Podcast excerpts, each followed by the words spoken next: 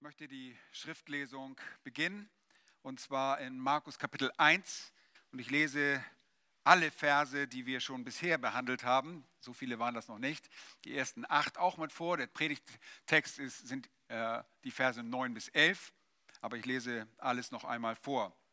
Anfang des Evangeliums von Jesus Christus, dem Sohn Gottes wie geschrieben steht in den Propheten, siehe, ich sende meinen Boten vor deinem Angesicht her, der deinen Weg vor dir bereiten wird. Die Stimme eines Rufenden ertönt in der Wüste. Bereitet den Weg des Herrn, macht seine Pfade eben. So begann Johannes in der Wüste, taufte und verkündigte eine Taufe der Buße zur Vergebung der Sünden. Und es ging zu ihm hinaus das ganze Land Judäa und die Bewohner von Jerusalem und es wurden von ihm alle im Jordan getauft, die ihre Sünde bekannten. Johannes aber war bekleidet mit Kamelhaaren und trug einen ledernen Gürtel um seine Lenden und er aß Heuschrecken und wilden Honig. Und er verkündigte und sprach, es kommt einer nach mir, der stärker ist als ich, und ich bin nicht würdig, ihm gebückt seine Schuhriemen zu lösen. Ich habe euch mit Wasser getauft, er aber wird euch mit Heiligen Geist taufen. Jetzt kommt der Predigtext. Und es geschah in jenen Tagen, dass Jesus von Nazareth in Galiläa kam und sich von Johannes im Jordan taufen ließ. Und sogleich, als er aus dem Wasser stieg, sah er den Himmel zerrissen und den Geist wie eine Taube auf ihn herabsteigen. Und eine Stimme ertönte aus dem Himmel Du bist mein geliebter Sohn, an dem ich wohlgefallen habe. Soweit. Ja, wir haben heute Morgen das Vorrecht, dass wir uns erneut dem Evangelium des Johannes Markus zuwenden dürfen, dessen Werdegang wir uns ein bisschen genauer angesehen haben. Markus schreibt primär an nicht-jüdische Empfänger.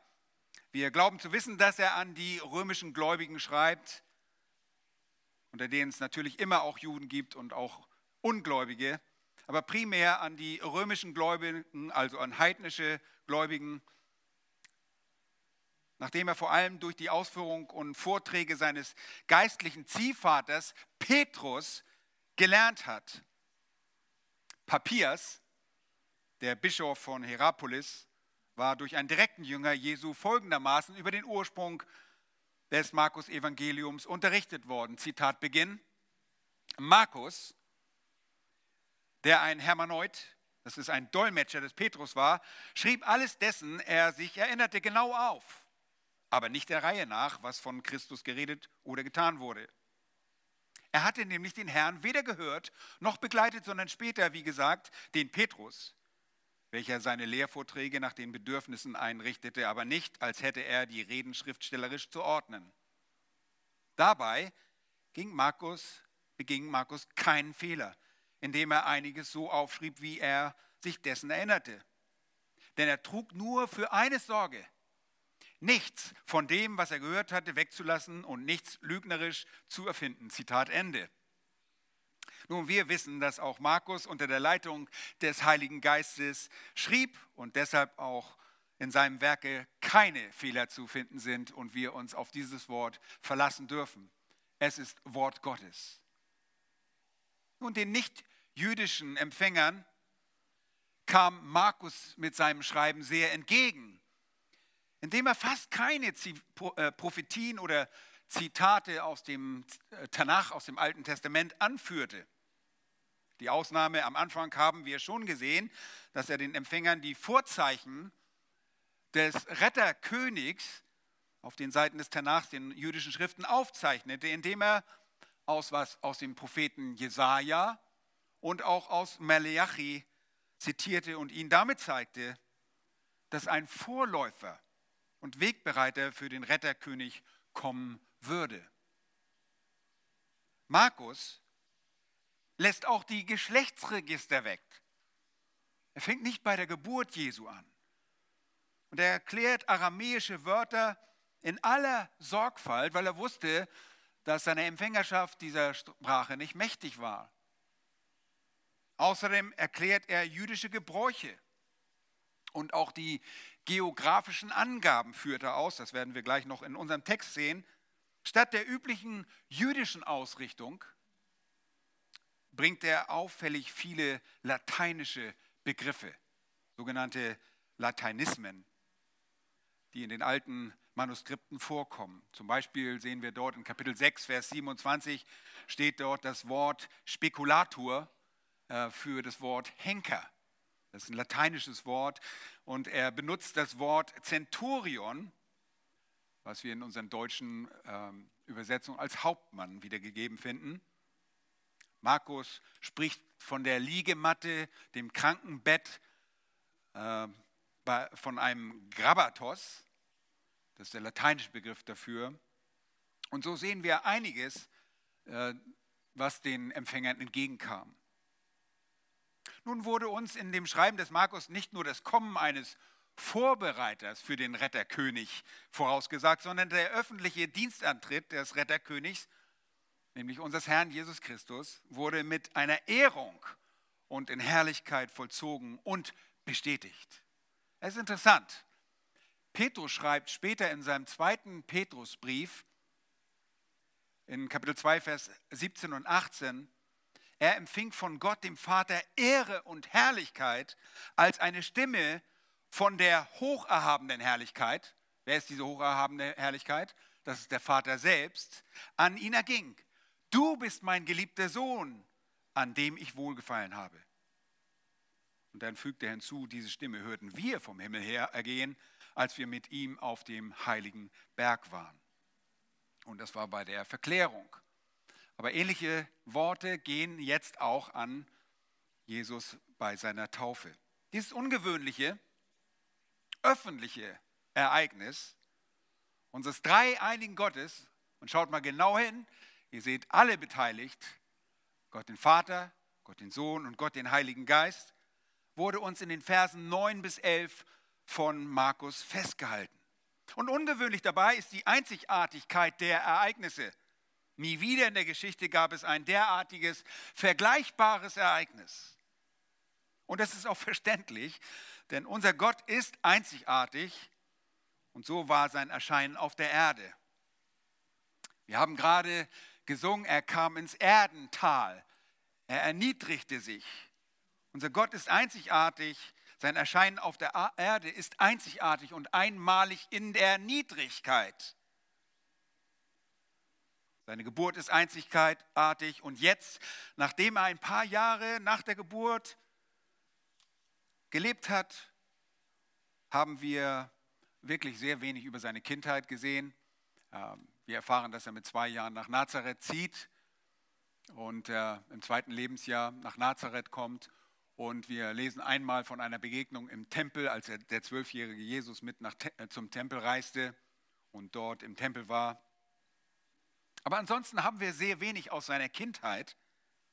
Markus entscheidet sich nicht bei der Geburt des Herrn, sondern bei seinem Dienstbeginn anzufangen und diesen Dienstbeginn zu beleuchten. Er bezeichnet sein ganzes Schreiben als den Anfang des Evangeliums von Jesus Christus, dem Sohn Gottes. Und das haben wir bereits in Vers 1 gesehen. Es ist nur der Anfang. Und ähnlich wie in der Apostelgeschichte, Daniel hat darauf aufmerksam gemacht, dass die Apostelgeschichte etwas abrupt aufhört, so hört auch das Markus-Evangelium abrupt auf. Es ist nur der Anfang des Evangeliums, dieses Evangelium, das noch weitergeht. Genug, um gerettet zu werden. Dieser Anfang ist ein wunderbarer Anfang, den Markus unter der Leitung des Heiligen Geistes uns wiedergegeben hat. Aber kommen wir einmal zu dem Text und zu dem ersten Punkt, der sich in Vers 9 findet, das ungewöhnliche Ereignis der Taufe Jesu. Da heißt es, und es geschah in jenen Tagen, dass Jesus von Nazareth in Galiläa kam und sich von Johannes im Jordan taufen ließ. Und was ist so ungewöhnlich dabei? Die Handlung der Taufe generell war schon sehr ungewöhnlich. Die Juden selbst ließen sich nicht taufen. Es war ihnen fremd, denn sie sahen sich selbst als rein an. Vor Johannes gab es keine Taufen. Für die Juden gab es keine Taufe. Es ist eine völlig ungewöhnliche Praxis und doch hatte Gott Johannes berufen, dies zu tun. Die Juden dachten durch die Beschneidung und als Kinder Abrahams werden wir unmittelbaren Zugang zum Reich Gottes besitzen. Getauft wurden nur wer? Die Heiden, die als Bekundung den Übertritt zum Judentum mit einer rituellen Proselytentaufe das anzeigten, dass sie jetzt zum Judentum gehörten, dass sie sich mit der Lehre der Juden identifizierten. Heiden würden sich taufen lassen, aber doch nicht die Juden. Und für den, für den Israeli war die Taufe des Johannes etwas Neues. Aber Gott hatte Johannes gesandt und beauftragt, durch die Taufe eine Wegbereitung für seinen Gesalbten, für seinen Sohn zu schaffen. Und der Retterkönig Warum sage ich Retterkönig? Jesus, der Name Jesus bedeutet Retter. Der Gesalbte ist der König. Wer wurde gesalbt im Alten Testament? Könige, Priester und Propheten. Aber hier wird die Königherrschaft, der König Jesus wird als der Gesalbte bezeichnet. Und so stellt uns auch Markus Jesus selbst vor. Dieser Retterkönig sollte offenbar werden. Und dieses bevorstehende Event der Taufe, dieses Ereignis, was war in Gottes ewigen Plan so verankert. Markus berichtet von einem historischen Ereignis, das sich tatsächlich in Zeit und Raum abgespielt hat. Deshalb gibt es hier Ortsangaben, deshalb gibt es hier eine gewisse Zeitangabe oder wir wissen in jenen Tagen und wir kommen gleich noch darauf zu sprechen. Die Handlung als sich also ist sehr ungewöhnlich, dass sich ein Jude taufen lassen würde. Und mit Wasser begießen bedeutet nichts anderes, als dass man sich komplett reinigen lassen würde. Nicht nur ein Teil seines Körpers waschen würde, sondern komplett reinigen würde und das so auch symbolisch zum Ausdruck brachte. Nun, hier heißt es, und es geschah in jenen Tagen, dass Jesus von Nazareth in Galiläa kam nun, in diesen Tagen, als Johannes seinen Dienst am Jordan tat. Wann genau war das? Können wir das einordnen? Wir können es sehr präzise einordnen. Und wenn ihr einmal das Lukas-Evangelium aufschlagt, Lukas Kapitel 3, die Verse 1 bis 4, sehen wir sogar eine sehr präzise Zeitangabe, die zwar eine Schwierigkeit in sich birgt, aber wir können das schaffen und wir können das harmonisieren. Da heißt es in Lukas Kapitel 3, Vers 1, aber im 15. Jahr der Regierung des Kaisers Tiberius, als Pontius Pilatus Statthalter von Judäa war, und Herodes Vierfürst von Galiläa, sein Bruder Philippus aber Vierfürst von Iturea und dem Gebiet von Trachonitis und Lysanias, Vierfürst von Abilene, unter den hohen Priestern Hannas und Kaiaphas, da, achtet mal drauf, da erging das Wort Gottes an Johannes, dem Sohn des Zacharias, in der Wüste. Seht ihr, Gott offenbart sich zu einer ganz bestimmten Zeit und sagt, Johannes, jetzt ist es Zeit, jetzt bist du dran, jetzt bist du mein Gesandter, jetzt bereitest du den Weg des Gesalbten vor. Und er kam die, es kam in die ganze Umgegend des Jordan und verkündigte eine Taufe der Buße zur Vergebung der Sünden, heißt es da weiter, wie geschrieben steht im Buch der Worte des Propheten Jesaja. Der spricht: Die Stimme eines Rufenden ertönt in der Wüste, bereitet den Weg des Herrn, macht seine Pfade eben. Nun, hier lesen wir in Vers 1, im 15. Jahr der Regierung des Kaiser Tiberius. Nun, das gibt eine kleine Schwierigkeit, denn Tiberius wurde bereits im Jahre 11 unseres Herrn Jesus Christus, also 11 AD oder nach Christus, Korregent im Osten des römischen Reiches.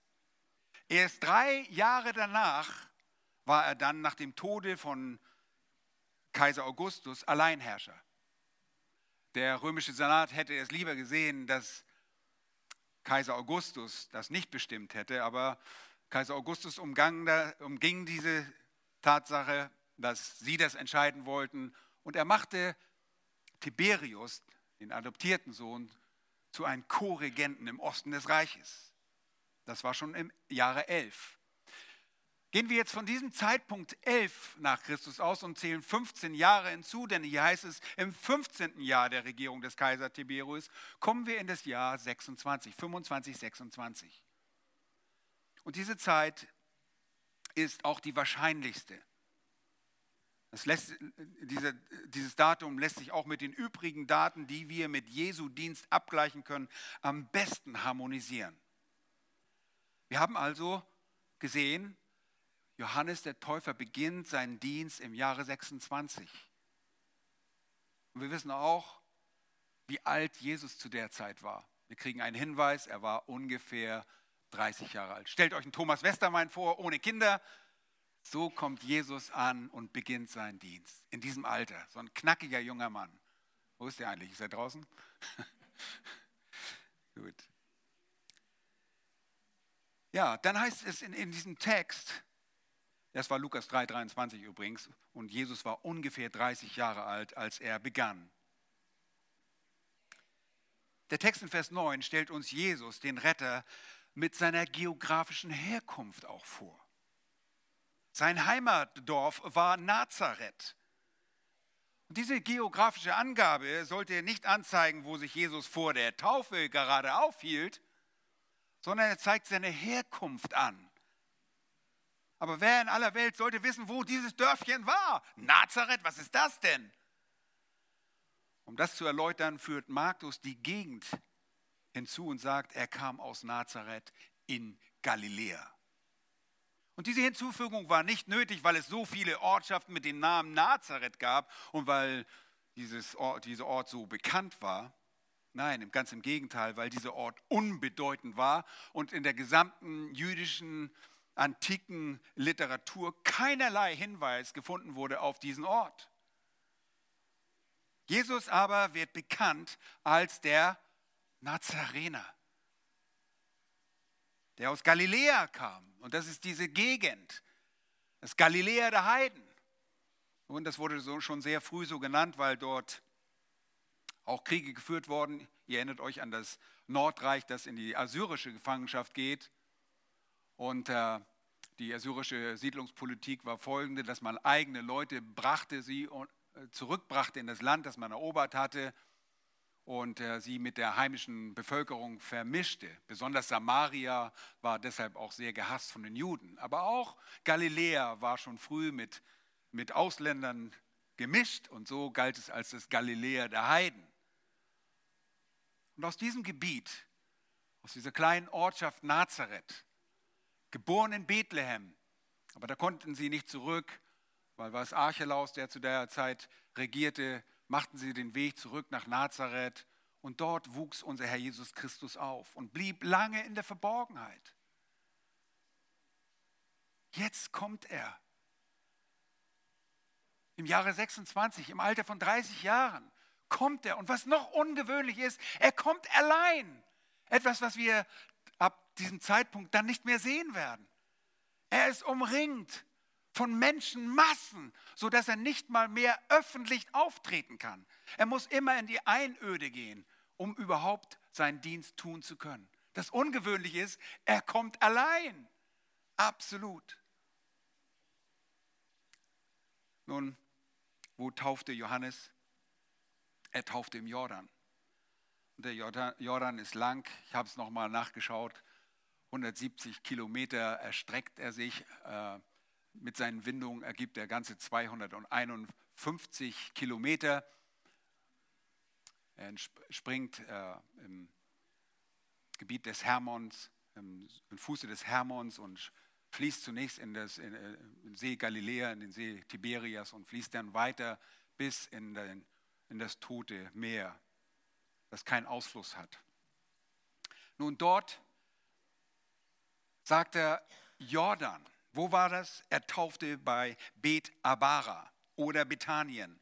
Wir lesen Johannes 1, 28. Dies geschah in Bet Abara, jenseits des Jordan, wo Johannes taufte. Er kommt also zu Johannes und er tauft ihn dort im Jordan.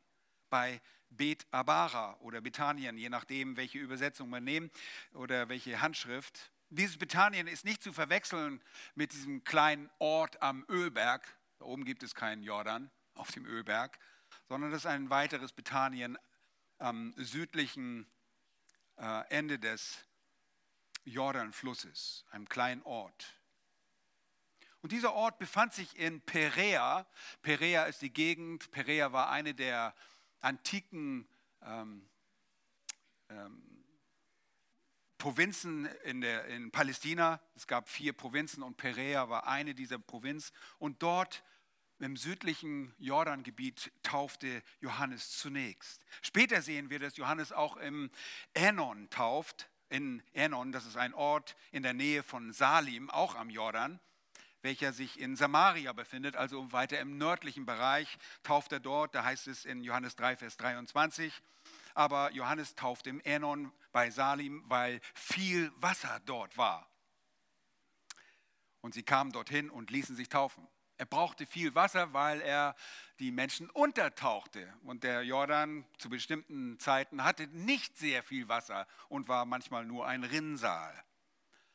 Nur das Außergewöhnliche daran ist, Erstens, die Juden taufen, andere Israelis oder andere Juden. Das ist schon sehr ungewöhnlich. Jesus kommt an diesen wüsten Ort, an diesen relativ kleinen Ort allein und lässt sich taufen. Aber was ist noch so ungewöhnlich und so merkwürdig an dieser Taufe? Wir lesen in Vers 4. So begann Johannes in der Wüste und taufte und verkündigte eine Taufe der Buße zur Vergebung der Sünden. Und er ging zu ihm hinaus, das ganze Land Judäa und die Bewohner von Jerusalem, es wurden von ihm alle im Jordan getauft, die ihre Sünden bekannten. Welche Frage kommt euch beim Lesen dieses Abschnitts sofort in den Sinn? Wenn ihr lest, dass Jesus sich im Jordan von Johannes taufen ließ, dann habe ich bestimmte Fragen. Warum sollte sich Jesus als Sohn Gottes taufen lassen? Ist das deine Frage? Ja, meine auch. Und das haben sich viele andere auch gefragt. Der sündlose Sohn Gottes, und wir wissen, Jesus Christus, der Schreiber des Hebräerbriefes, sagt uns das sehr deutlich in Kapitel 4, wurde versucht in ähnlicher Weise wie wir, doch ohne Sünde. Er war nicht sündig. Er kam nicht zu Jan und hat gesagt, oh, ich habe meiner Mutter so, war so ungehorsam, ja, ich habe den Abwasch wieder nicht gemacht oder nein, Jesus war ohne Sünde und er kam dennoch um sich taufen zu lassen. Und diese Schwierigkeit, die wir hatten, die hatte nicht nur der Leser, sondern auch derjenige, der taufen sollte. Und dennoch, Jesus war sündlos und ließ sich taufen.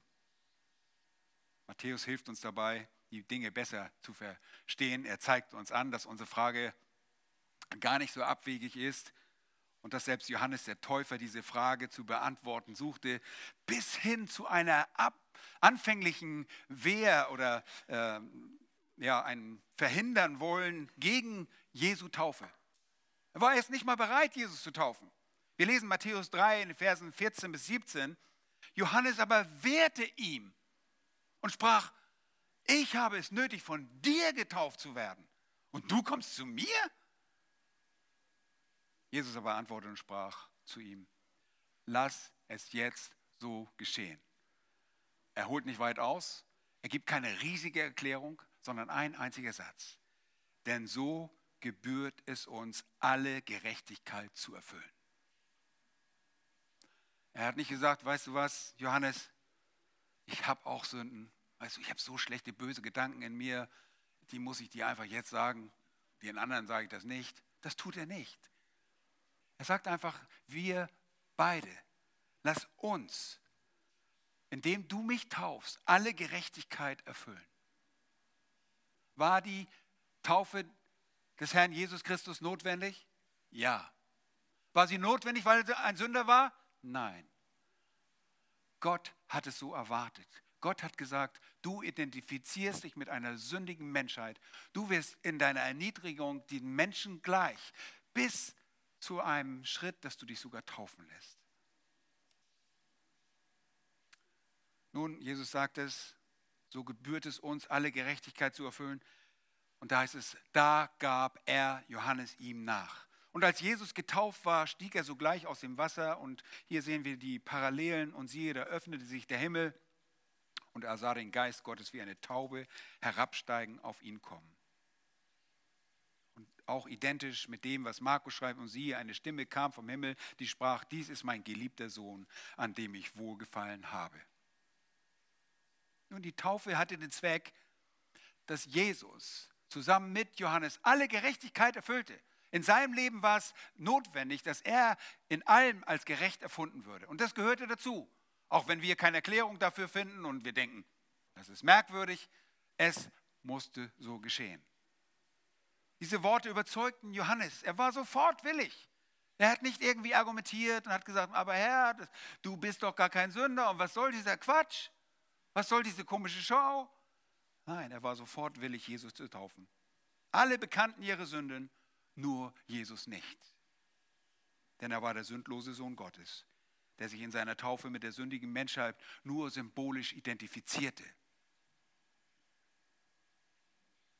Nun, Johannes, der Schreiber des Johannesevangeliums, der Apostel, sagte uns, die Taufe hat den Zweck der Offenbarung Jesu. Und da lesen wir in Johannes 1, Vers 31,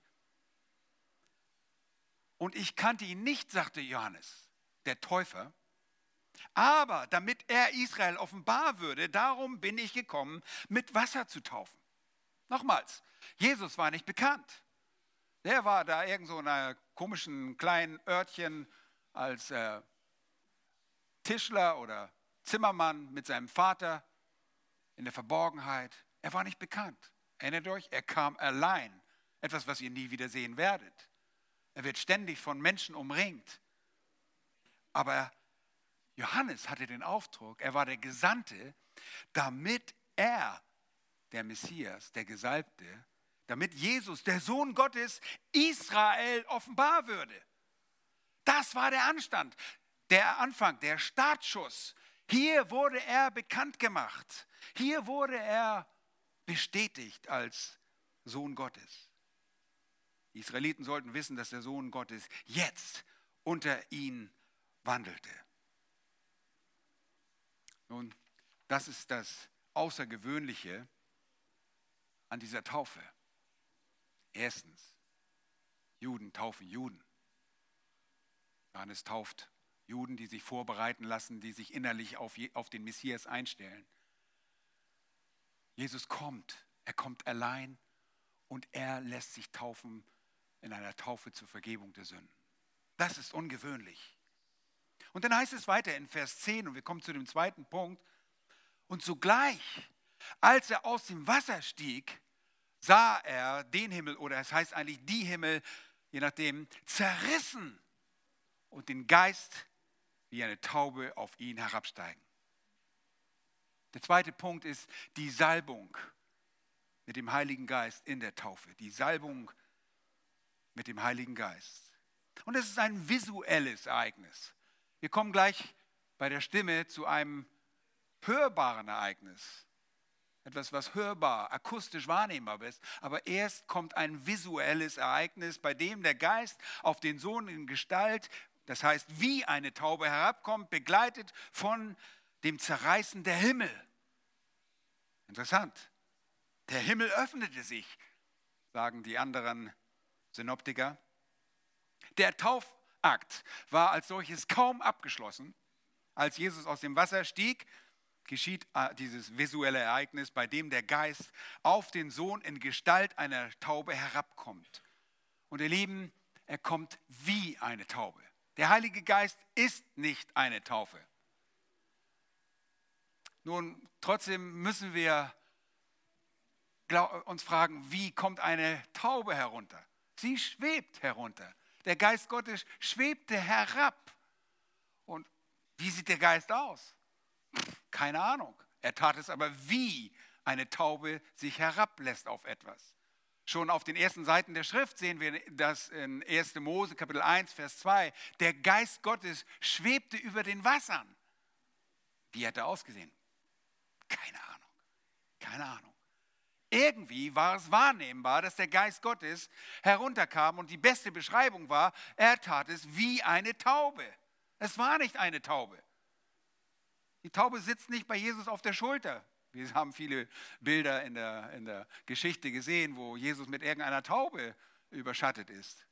Und es ist gut gemeint, aber da war keine Taube, sondern es war wie. Das Wort wie dürfen wir dabei nicht übersehen. Und es ist der Geist Gottes, denn er kommt aus dem zerrissenen Himmeln. Und jetzt fragt ihr mich, wie sieht das denn aus, wenn der Himmel zerreißt? Puh, weiß ich auch nicht. Kann ich euch nicht sagen, wie das aussieht. Ich kann nur sehen, hier ist dieses Wort und es erinnert uns ein bisschen an diesen zerrissenen Tempel am Ende des Dienstes, äh, den Tempelvorhanges, am Ende des Dienstes Jesu. Hier zu Beginn bekommen wir ein visuelles Zeichen, dass der Himmel, die Himmel sich zerreißen, öffnen und dass der Geist aus dem Himmel auf den Herrn Jesus herabkommt. Und das Verb ist genau das Wort wie das Zerreißen des Tempels, äh, des Tempelvorhanges zum Ende des Dienstes, als er sagte, es ist vollbracht, als er starb in seiner Todesstunde. Erstaunlich. Die Himmel öffnen sich. Und es ist eine Bestätigung, eine Bestätigung, dass dieser Jesus Christus der Sohn Gottes ist. Dieses Zerreißensein erinnert tatsächlich an den Abschluss des Dienstes, kurz vor seiner Erhöhung. 40 Tage danach wird er erhöht und ist wieder beim Vater Es ist der Geist des lebendigen Gottes. Welcher Geist sonst sollte aus diesen zerrissenen Himmeln kommen? Nun, wenn da die, äh, der Plural steht in einigen Skripten, also wenn da die Himmel steht, dann sind, es, sind alle Sphären des Himmels inbegriffen. Irgendwie teilte sich der Himmel auf. Ob die Wolke sich öffnet, ich meine, Himmel beim schönen Wetter, wie kann, wie kann ein transparenter Himmel für mich, wie sieht das aus? Ich weiß es nicht. Aber sie nahmen es so, so wahr. Und Markus sagt, und wahrscheinlich konzentriert er sich im Moment so sehr auf Jesus, dass Jesus sah den Himmel, die Himmel zerrissen.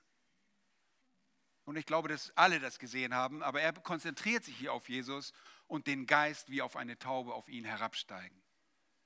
Dieses Ereignis ist auch als Salbung mit dem Heiligen Geist bekannt geworden.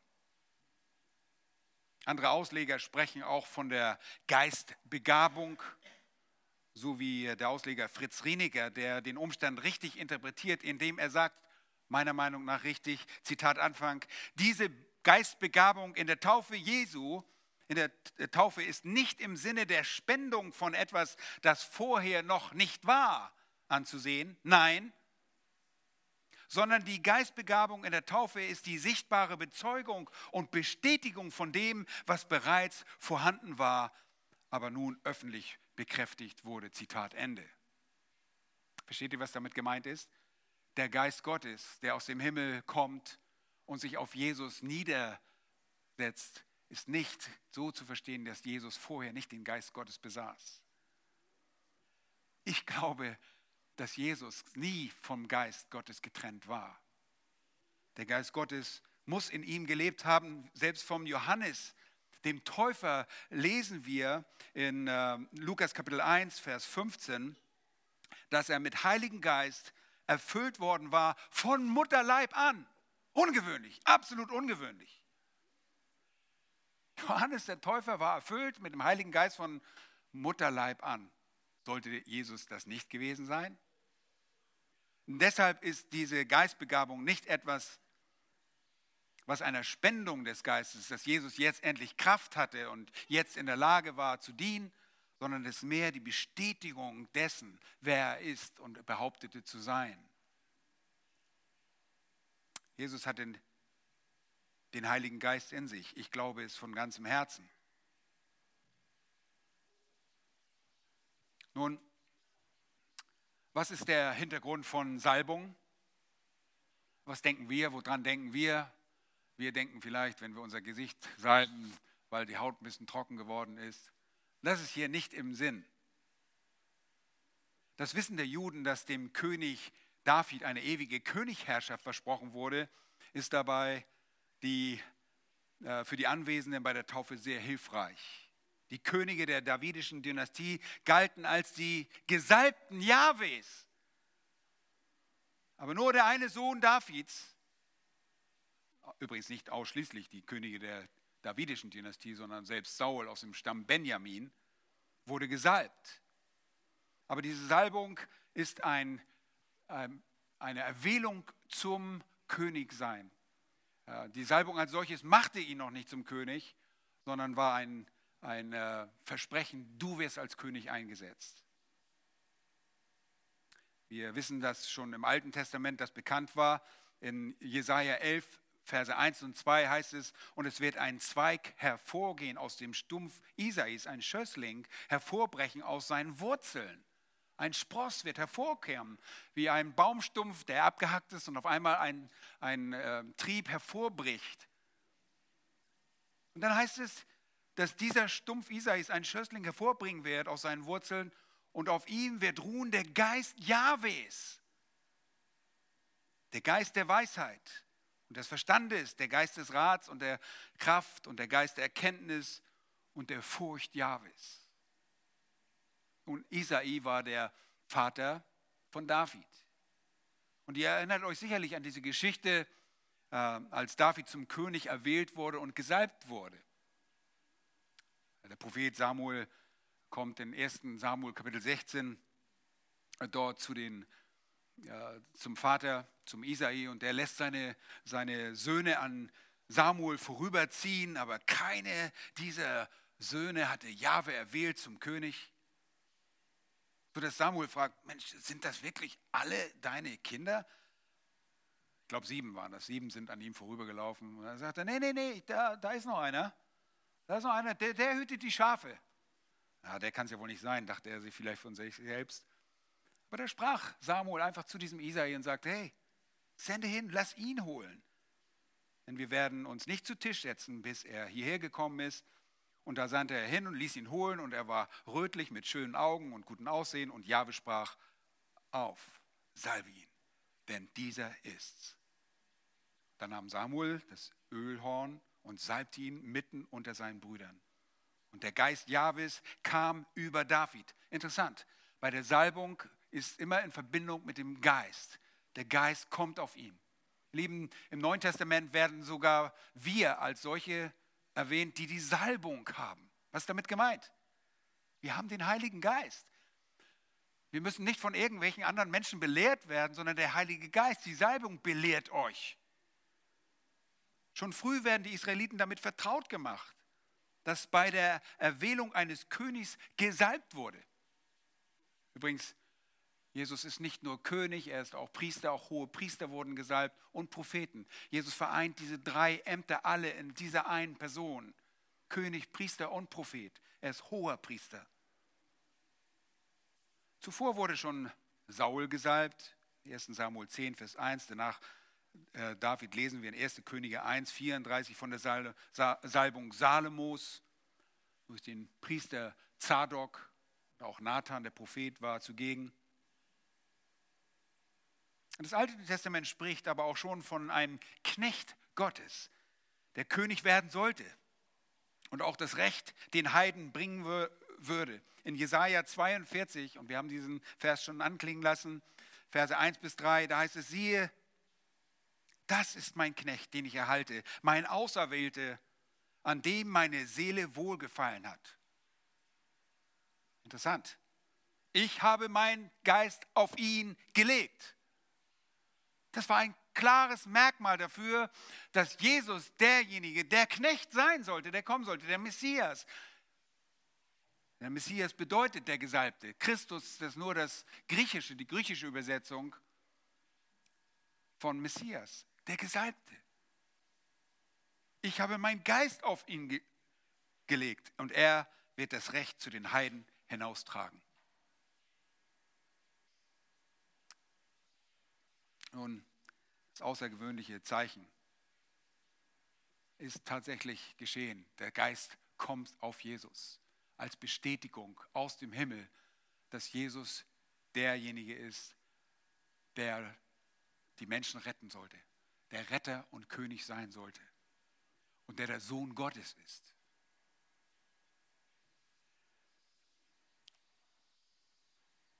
Nun, die Einsetzung des Sohnes Gottes, des Retterkönigs, sollte aber nicht nur für ein, mit einem visuellen Ereignis bestätigt werden, sondern auch akustisch wahrnehmbar sein. Und das sehen wir dann in Vers 11.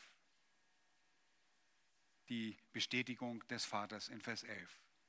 Da heißt es, und eine Stimme ertönte aus dem Himmel, du bist mein geliebter Sohn, an dem ich wohlgefallen habe. Nun, auch das ist etwas, was den Israeliten nicht so fremd war, sowas zu hören. Die Sohnschaft war für die Israeliten besonders wichtig. Israel selbst war Sohn Gottes.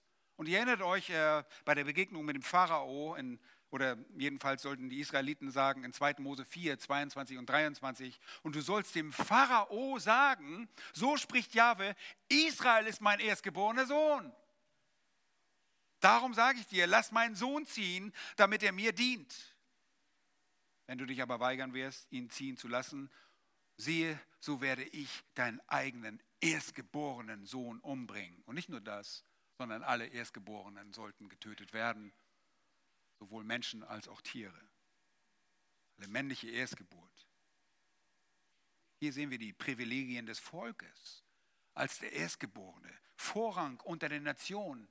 Israel steht hervor unter allen Nationen. Gott bezeichnet sie als erstgeborener Sohn. Sie würden erben, was ihnen verheißen wurde. Der Vater würde dafür sorgen und hatte sich durch einen Eid dafür verbürgt. Als Sohn Gottes hatte Israel die Stimme des Vaters gehört. Auch das war ihnen sehr wohl bekannt.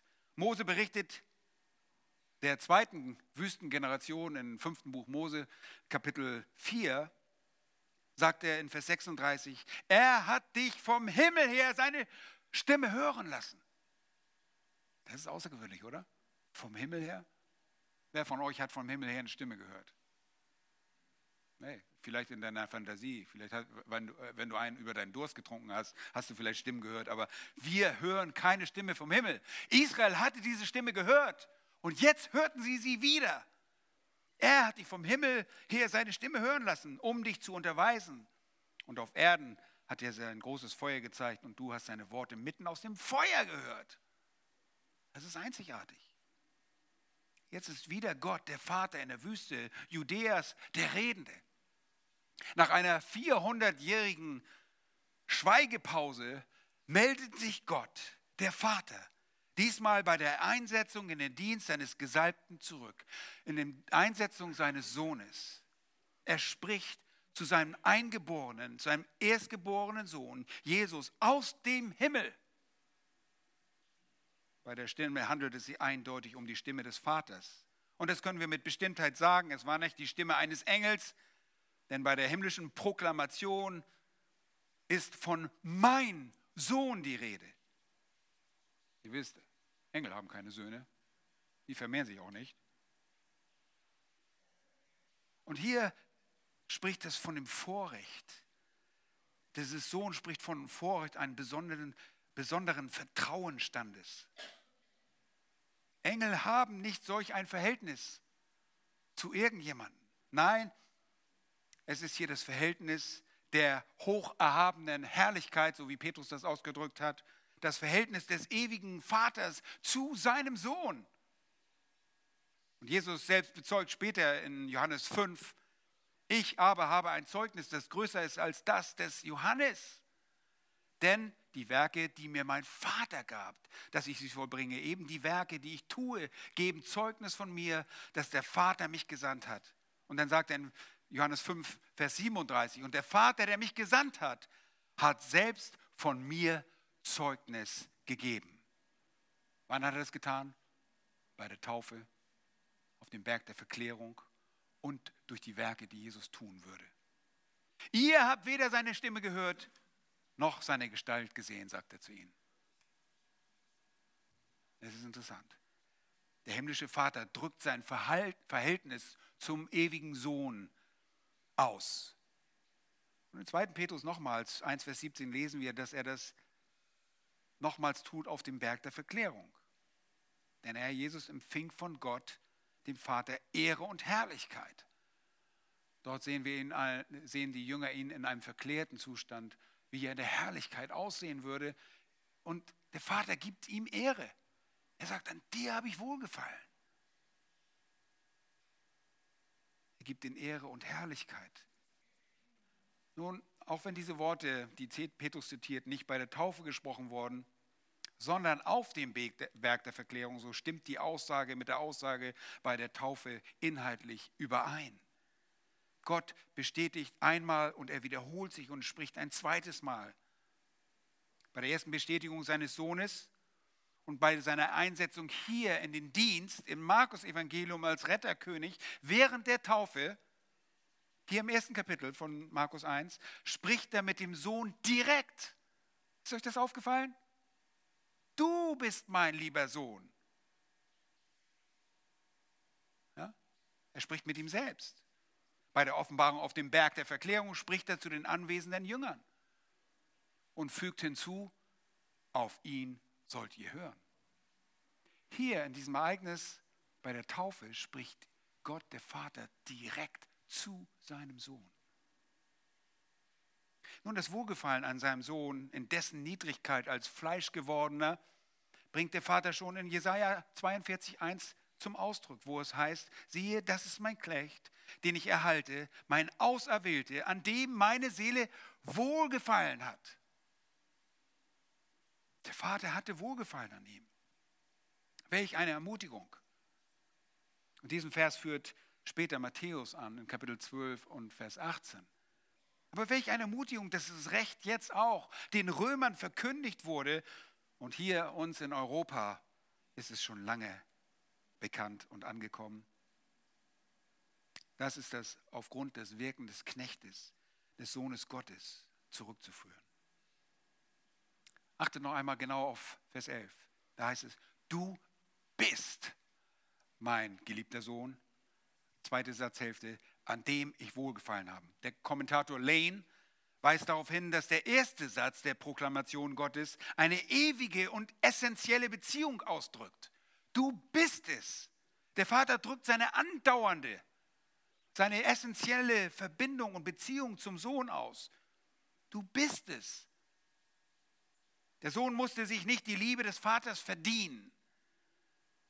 Sie ist eine ewige Liebe des Vaters, die es vor Grundlegung der Welt in der ewigen Vergangenheit schon gab.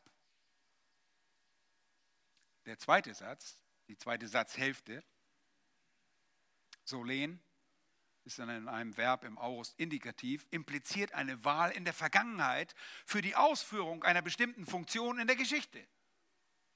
Das heißt, an dem ich wohlgefallen habe, drückt mehr aus als ein wertschätzendes Zurückblicken auf die Kindheit Jesu und sagt, gut gemacht, mein Junge, du warst ganz lieb. Es ist, es ist mehr als ein Zurückblicken auf seine Kindheit oder seine Jugend oder die Jahre seines jungen Erwachsenseins die Jesus ohne Sünde gelebt hat. Der Vater blickt vielmehr auf seinen ewigen Ratschluss und dessen Entfaltung in der gesamten Heilsgeschichte. Der komplette Erlösungsplan, in der sein Sohn, das Lamm Gottes, sich eine Menschheit erkauft und in seiner Funktion als Retterkönig alles zur vollen Zufriedenheit des Vaters tut, weil er sein Sohn ist. Das spricht übrigens auch von der Autorität und Macht des Sohnes. Ihr Lieben, diese Proklamation des Vaters, die Worte der Stimme aus dem Himmel an seinen Sohn, die auch die umherstehenden Menschenscharen wahrnehmen konnten, auch wenn der Vater nur zum Sohne sprach, implizieren noch so viel mehr. Da Jesus der Gesalbte und Sohn Gottes ist, ist er auch Gott. Der erniedrigte Sohn Gottes ist wesensgleich mit dem Vater. Er ist Gott. Und der Schreiber des Hebräerbriefes macht es so wunderbar deutlich. Gleich zu Beginn seines Schreibens sagt er in Hebräer Kapitel 1, die Verse 1 bis 3, da heißt es, nachdem Gott in vergangenen Zeiten vielfältig auf vielerlei Weise zu den Vätern geredet hat durch die Propheten, hat er in diesen letzten Tagen zu uns geredet durch den Sohn ihn, also ihn, Jesus Christus, hat er, das ist Gott, eingesetzt zum Erben von allem. Durch ihn hat er auch die Welten geschaffen. Dieser ist die Ausstrahlung seiner Herrlichkeit und der Ausdruck seines Wesens und trägt alle Dinge durch das Wort seiner Kraft. Lieben, hier wird Christus beschrieben als die Ausstrahlung seiner Herrlichkeit. Er spiegelt nicht die Herrlichkeit wider, so wie der Mond den Sonnenglanz widerspiegelt, sondern er strahlt das aus. Er ist die Lichtquelle selbst. Und so ist er wesensgleich mit Gott, dem Vater. Das kommt hier zum Ausdruck durch die bestätigenden Worte des, des Vaters. Du bist mein geliebter Sohn. Jesus ist Sohn der Erstgeborene, der Prototokos heißt es ja im Griechischen, sagt Paulus in dem Brief an den Kolosser. Dies ist das Ebenbild des unsichtbaren Gottes, der Erstgeborene, der über alle Schöpfung ist. Und bei dem Ausdruck Erstgeborener ist nicht so sehr die Chronologie, die zeitliche Abfolge, dass er der Erste in der Linie ist von Söhnen, sondern mehr die große Bedeutung steht hier im Vordergrund, die Vorrangstellung des Sohnes. Sein hoher Rang ist damit gemeint. Wenn er Erstgeborener ist, dann denkt ihr, ah, wo ist der Zweitgeborene, der Drittgeborene? Nein, es geht darum, dass hier der Erstgeborene sowohl in der hebräischen als auch in der griechischen Kultur und auch bei den Römern bekannt war, dass die Söhne, die Erstgeborenen, einen besonderen Vorrang hatten, ein besonderes Erbe antreten würden. Er ist der Sohn, der zum Erben von allem eingesetzt wurde. Das haben wir auch gerade gelesen in, in Hebräer 1, Vers 2. Ihn hat er eingesetzt zum Erben von allem. Das ist Macht.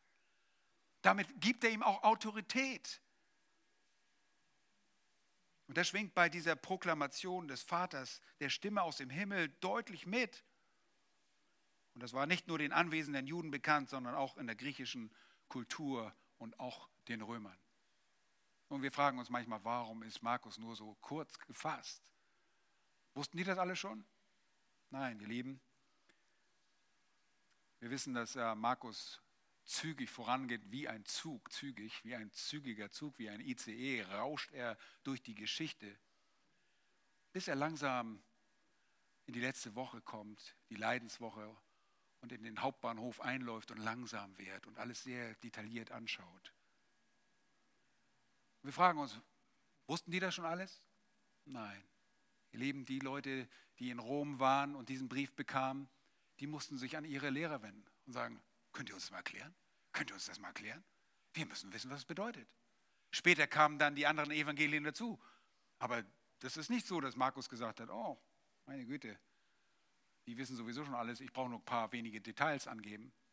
Nein, mit Sicherheit waren die Ältesten gefordert, diesen Brief auszulegen und die, diese Lücken auszufüllen und zu sagen, das bedeutet es hier. Nun, der Erstgeborene hatte eine besondere Autorität. Und das schwingt alles bei dieser Aussage mit. Du bist der geliebte Sohn.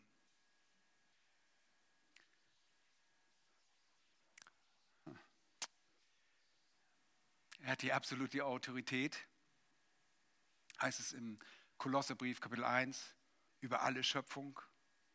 Lest mal bei Zeit, ich habe das jetzt nicht äh, die Zeit mehr dazu, aber lest mal die, die Fußnote, wenn ihr eine Studienbibel habt, zu Kolosser 1, Vers 15, was es mit der Erbschaft auf sich hat. Ähm, der Vater liebt den Sohn und er hat, es, hat alles in seine Hand übergeben. Das spricht von Macht. Und das jetzt in dieser Niedrigkeit dieser Taufe schwingt das alles in den Worten Gottes mit. Hier spricht Gott aus den Wolken, aus dem Himmel. Da spricht nicht irgendjemand, sondern hier spricht der Gott, der lebendige Gott. Wie oft hörte man seine Stimme?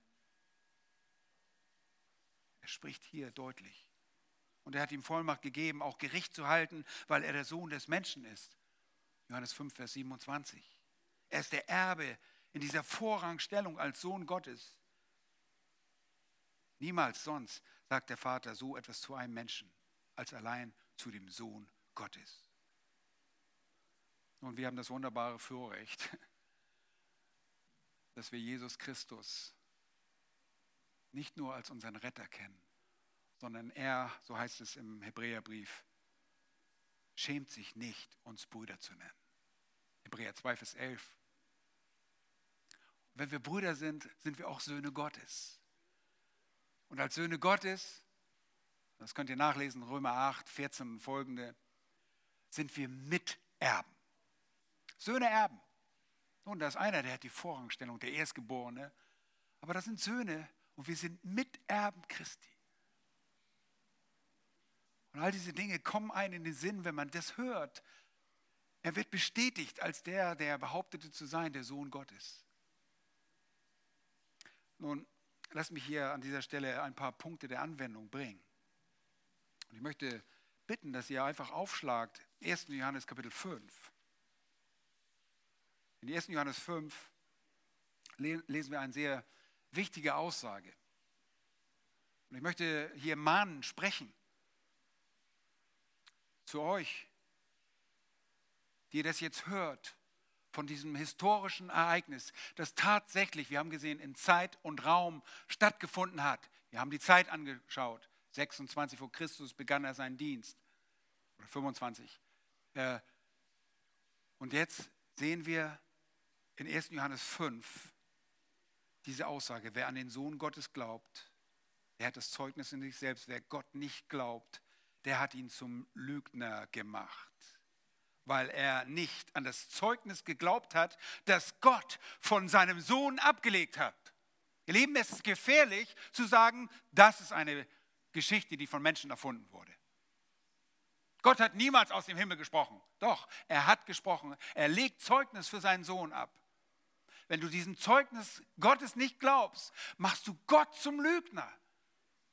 Und Gott hat seinen Sohn nicht nur durch ein verbales, akustisches, wahrnehmbares Signal aus dem Himmel bekannt gemacht, sondern er schickte seine Propheten. Er schickte eine ganze Reihe von Propheten, die alle umgebracht worden sind. Dann schickt er seinen Sohn. Und er spricht durch deinen Sohn. Und der Sohn offenbart den Vater. Jesus sagt, wer mich sieht, der sieht den Vater. Und der Vater legt Zeugnis ab von seinem Sohn durch die Werke, die er tut. Das sind die Werke des Vaters. Der Vater spricht deutlich in aller Öffentlichkeit, dies ist mein Sohn. Und den Jüngern sagt er sogar, ihm gehorcht. Dann kehrt Jesus zurück und Jesus, der selbst Apostel genannt wurde im Hebräerbrief, der Apostel, schickt andere, die Apostel Jesu Christi, und dann sendet er andere und wieder andere. Und jetzt sind wir es, die dieses Evangelium, diese frohe Botschaft, diese Worte weitersagen. Und wir bezeugen, dass er lebt und wir geben Zeugnis ab. Warum können wir das? Weil wir das Wort Gottes immer noch haben. Gott hat Zeugnis abgelegt von seinem Sohn in dieser Bibel. Wenn du dieser Bibel nicht glaubst, dann ist es nicht nur eine Ignoranz und aus Gleichgültigkeit kannst du das irgendwie vergessen. Nein, du machst Gott zum Lügner, weil er sich bezeugt. Und wir hören nicht die Stimme aus dem Himmel, aber wir können lesen, dass es so stattgefunden hat. Und es ist eine ernste Warnung,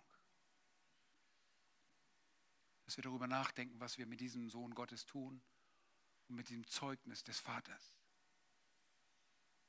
Es ist aber wunderbar, zu wissen, wer meine Gebote festhält und sie befolgt, der ist es, der mich liebt.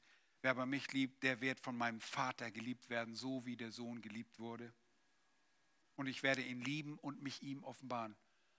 So wie du dem Herrn vertraust, wird er dich stärken durch seinen Geist. Und du wirst in Geist kommen, nicht in einer sichtbaren Form, warte nicht auf irgendein flatterndes Geräusch oder sonst irgendwas oder sondern der Geist kommt in dein Herzen, verändert dich, macht dich zu einem neuen Menschen und du wirst die Gebote festhalten, du wirst sie befolgen, nie perfekt, in perfekter Weise, aber das ist deine Richtung, die du einschlagen wirst. Und der Herr wird dich lieben und er wird sich dir offenbaren. Du wirst auf einmal die Dinge aus der Bibel verstehen. Vorher machten sie keinen Sinn. Vorher hast du gedacht, was für ein dummes Zeug steht das? Was ist das mit dem blutigen Kreuz? Das Wort vom Kreuz ist eine Torheit denen, die verloren sind. Jetzt aber, wenn der Geist Gottes in dir ist, lebst du, erlebst du die Kraft Gottes in deinem Leben. Ihr Lieben, wenn du ihm glaubst, wenn du ihm vertraust, dann wird er dich verändern und er macht dich zu einem Überwinder. So wie Jesus die Welt überwunden hat und gesagt in der Welt habt ihr Angst, aber ich habe die Welt überwunden, so macht er dich auch zu einem Überwinder. Und wir sind kleine Christusse. Wisst ihr, in Antiochien wurden die Menschen zuerst wie genannt? Die Jünger? Christen. Gesalbte. Wir sind Gesalbte. So wie der Herr Christus, Jesus Christus, so sind wir Gesalbte mit dem Heiligen Geist. Und ihr Lieben, wir sind dadurch Überwinder. In Offenbarung 21, Vers 7 heißt es, wer überwindet, der wird alles erben. Passt total zusammen, oder? Christus ist der Erbe von allem. Römer 8, wir sind Miterben. Und jetzt Offenbarung 21, 7, wer überwindet, wird alles erben und ich werde sein Gott sein und er wird mein Sohn sein. Du wirst Sohn sein, wenn du ihm vertraust, wenn du deine ganze Hoffnung auf Christus setzt, dein ganzes Leben darauf baust. Nicht als ein Spiel und auch als eine Hinzufügung zu deinem Leben, sondern als totale Revolutionierung deines, deines Lebens. Ihm zu vertrauen, ihm zu glauben. Ihr Lieben, wir können Markus und dem Heiligen Geist natürlich dem Herrn danken dafür, dass er uns dieses Ereignis so aufzeigt. Und die Juden hätten von Anfang an wissen können, hier ist der Sohn Gottes. Wir sollten uns ihm ausliefern. Er allein kann Sünden vergeben. Er ist derjenige, der Grund ist, dass unsere Sünden vergeben werden. Aber sie erwarteten etwas anderes. Ihre Herzen waren hart. Nun, wir können wirklich dankbar sein, denn er, wenn du das verstehst, dann offenbart er sich dir. Und er ist dein Trost. Und Jesus Christus selbst ist in dir durch seinen Geist die Hoffnung der Herrlichkeit. Leute, es gibt in dieser Zeit so viel für uns auch, wo wir leiden wo wir einfach sagen können, wie können wir in dieser Welt überstehen? Was sagt Jesus? Ich habe dich zu einem Überwinder gemacht und du hast eine Hoffnung und du hast einen Trost. Als Jesus ging, sagte er, ich sende dir einen anderen Tröster, der Geist Gottes, der in uns ist, er tröstet uns. Dieser ewige Trost. Wie wunderbar. Er selbst aber, unser Herr Jesus Christus, unser Gott und Vater, der uns geliebt hat und uns einen ewigen Trost und eine gute Hoffnung gegeben hat, durch Gnade. Er tröste eure Herzen und stärke euch in jedem guten Werk und Wort und Werk. 2. Thessalonicher 2. Lasst uns ihm danken und ihm die Ehre geben, dass wir ihn so kennenlernen dürfen, selbst in seiner Niedrigkeit.